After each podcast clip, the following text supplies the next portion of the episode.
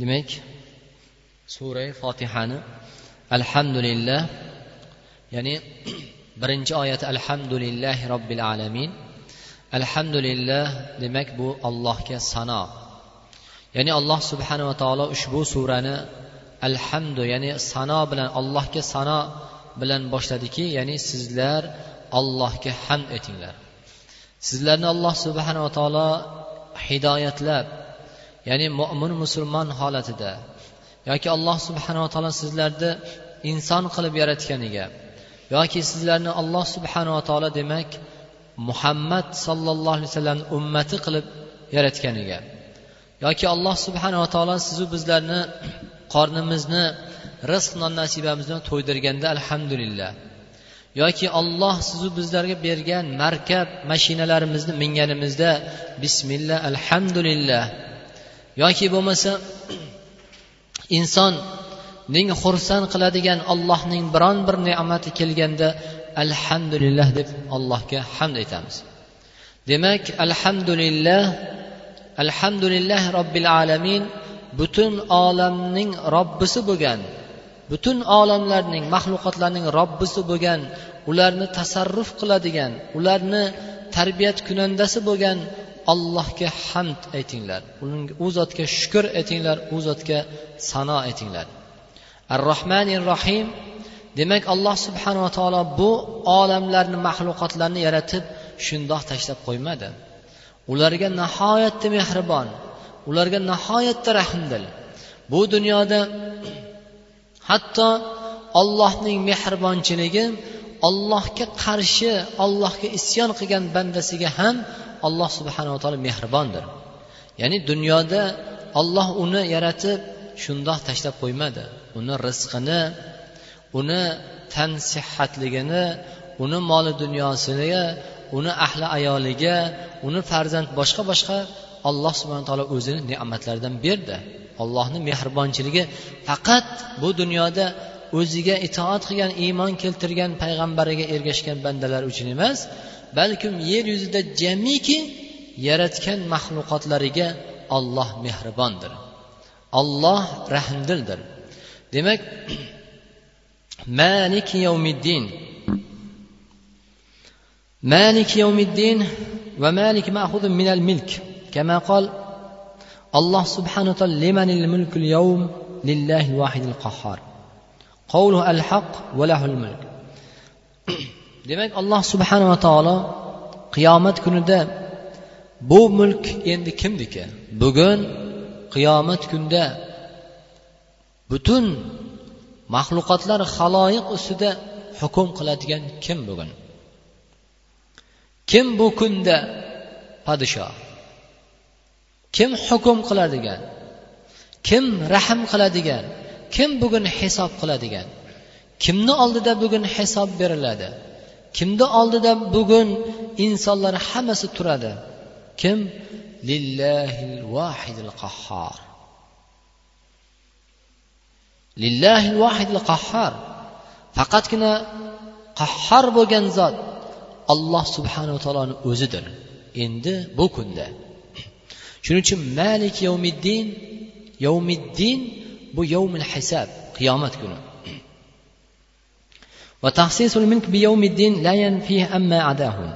Demak alloh subhana taolo malik yovmiddin ya'ni yawmul qiyama yawmul hisob beriladigan qiyomat kunining podshosi ollohni o'zi deganda bu oyat bilan demak alloh subhana taolo boshqa vaqtida egasi mulk mulkdori ya'ni egasi emas degani kelib chiqmas ekan. Chunki bu oyatdan oldin robbul alamin dunyoda ham oxiratda ham butun maxluqotlarni robbisi alloh subhanava taolo. Mana shu robbul alamin oyati bilan alloh subhanava taolo nima? Hamma narsani egasi yolg'iz o'zi ekanligiga kelib chiqadi. Lekin bu oyatda malik yovmiddin qiyomat kunining egasi podshosi ollohni o'zi degan hukm oyat bilan kelishligi إنما أضيف إلى يوم الدين لأنه لا يدعي أحد هنالك شيئا chunki u kunda hech kim u podshomi u kambag'almi u boymi u gadoymi kim bo'lishidan qat'iy nazar hech kim hech narsani davo qilolmas ekan hatto ota ham men ota edim ona ham men ona edim degan davosini qilolmas ekan u kunda hech kim ollohni iznisiz so'zlolmaydi. Kimga olloh izn bersa o'sha odamgina so'zlaydi xolos. Demak u kunda faqat hamma narsa ollohning aniq bandalari ko'zlari bilan ko'radiki olloh haqiqiy har bir narsani egasi olloh ekanligini. Hatto sizu biz bu dunyoda tillarimiz birro bo'lib so'zlayotgan tilimiz ham birodarlar qiyomat kunida bir og'iz so'z yo bir harfni aytishga qodir bo'lmas ekan. Chunki nima? Alloh subhanava taolo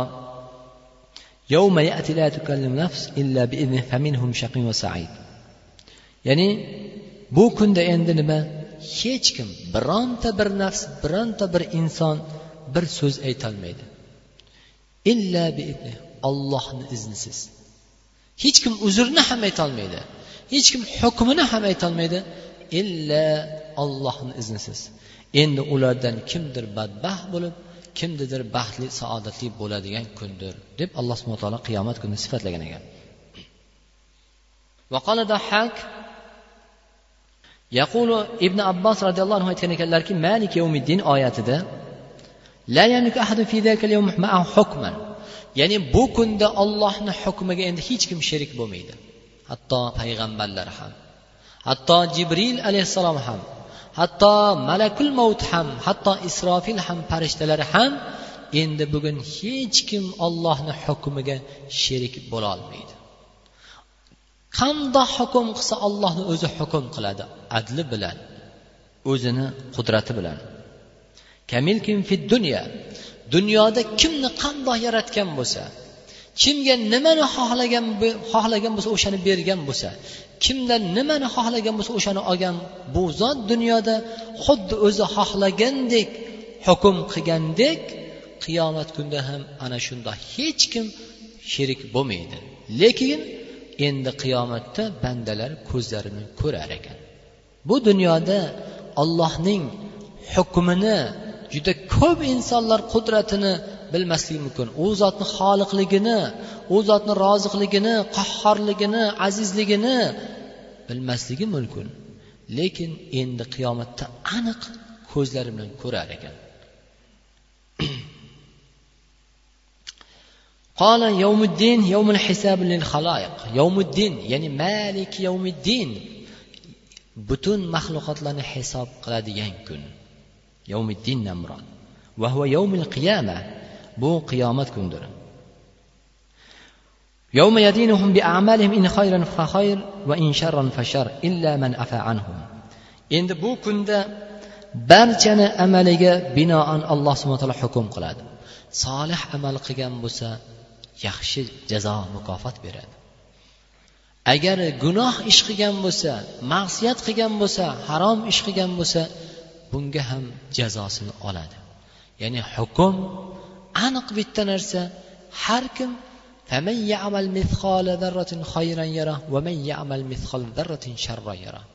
kim bir zarradek solih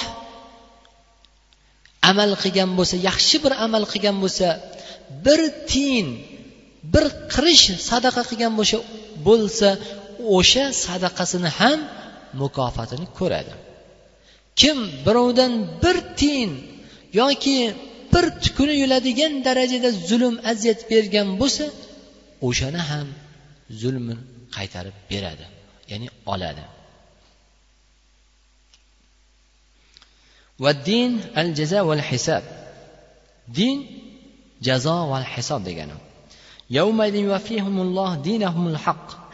Endi bugun alloh subhana taolo ularni hisobini aniq haq hisob qiladi. Hech kimga zulm qilmaydi. hech kimga alloh subhana taolo bugunda zulm qilmaydi odillik bilan hech qachon bandalar ko'rmagan odillik bilan qilinadigan hukm bo'ladi bugun وفي الحديث والكيس من دان نفسه وعمل لما بعد الموت ya'ni aqlli odam o'zini hisob qiladigan odamdir va badal mavt o'limdan keyingi qiyomat kuniga hisob kitob qiyomat kuniga hisob kitobga tayyorgarlik ko'radigan odamdir deb aytgan ekanlar amal qiladigan odamdir deb rasululloh sollallohu alayhi vasallam aytgan ekanlar أي حاسب نفسه لنفسه كما قال عمر حاسبوا أنفسكم قبل أن تحاسبوا وزنوا أنفسكم قبل أن توزنوا وتحاب وتأهبوا للأرض الأكبر يومئذ تعرضون لا تخفى منكم خافية ya'ni umar ibn hattob roziyallohu anhu aytgan ekanlarki o'zlaringni o'zlaring hisob qilinglar hisob qilinmasdan oldin. O'zlaringni so'zlaringni amallaringni qilayotgan ibodatlaringni mezonga qo'yinglar taroziga qo'yib tortinglar. Tortilmasdan turib. Va taahhabu ya'ni sizlar ulug' kun sizlar u kunda chorasiz qoladigan kun hech bir narsa sizlarga manfaat yetkazmaydigan kun yomonlik ham qilmaydigan kun hukm qilinadigan kunga tayyorgarlik ko'ringlar.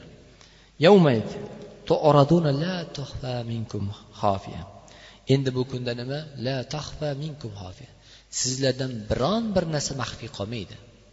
Ya'ni sizlar bu kunda nima? Yovmuddin kunida amallaringga ham so'zlaringga ham hatto qalblaringda hech kim bilmaydigan ollohdan boshqa o'zlaringdan boshqa hech kim bilmaydigan qalblaringdagi fikrlaringga niyatlaringga ham ya'ni yashirinmaydigan kun.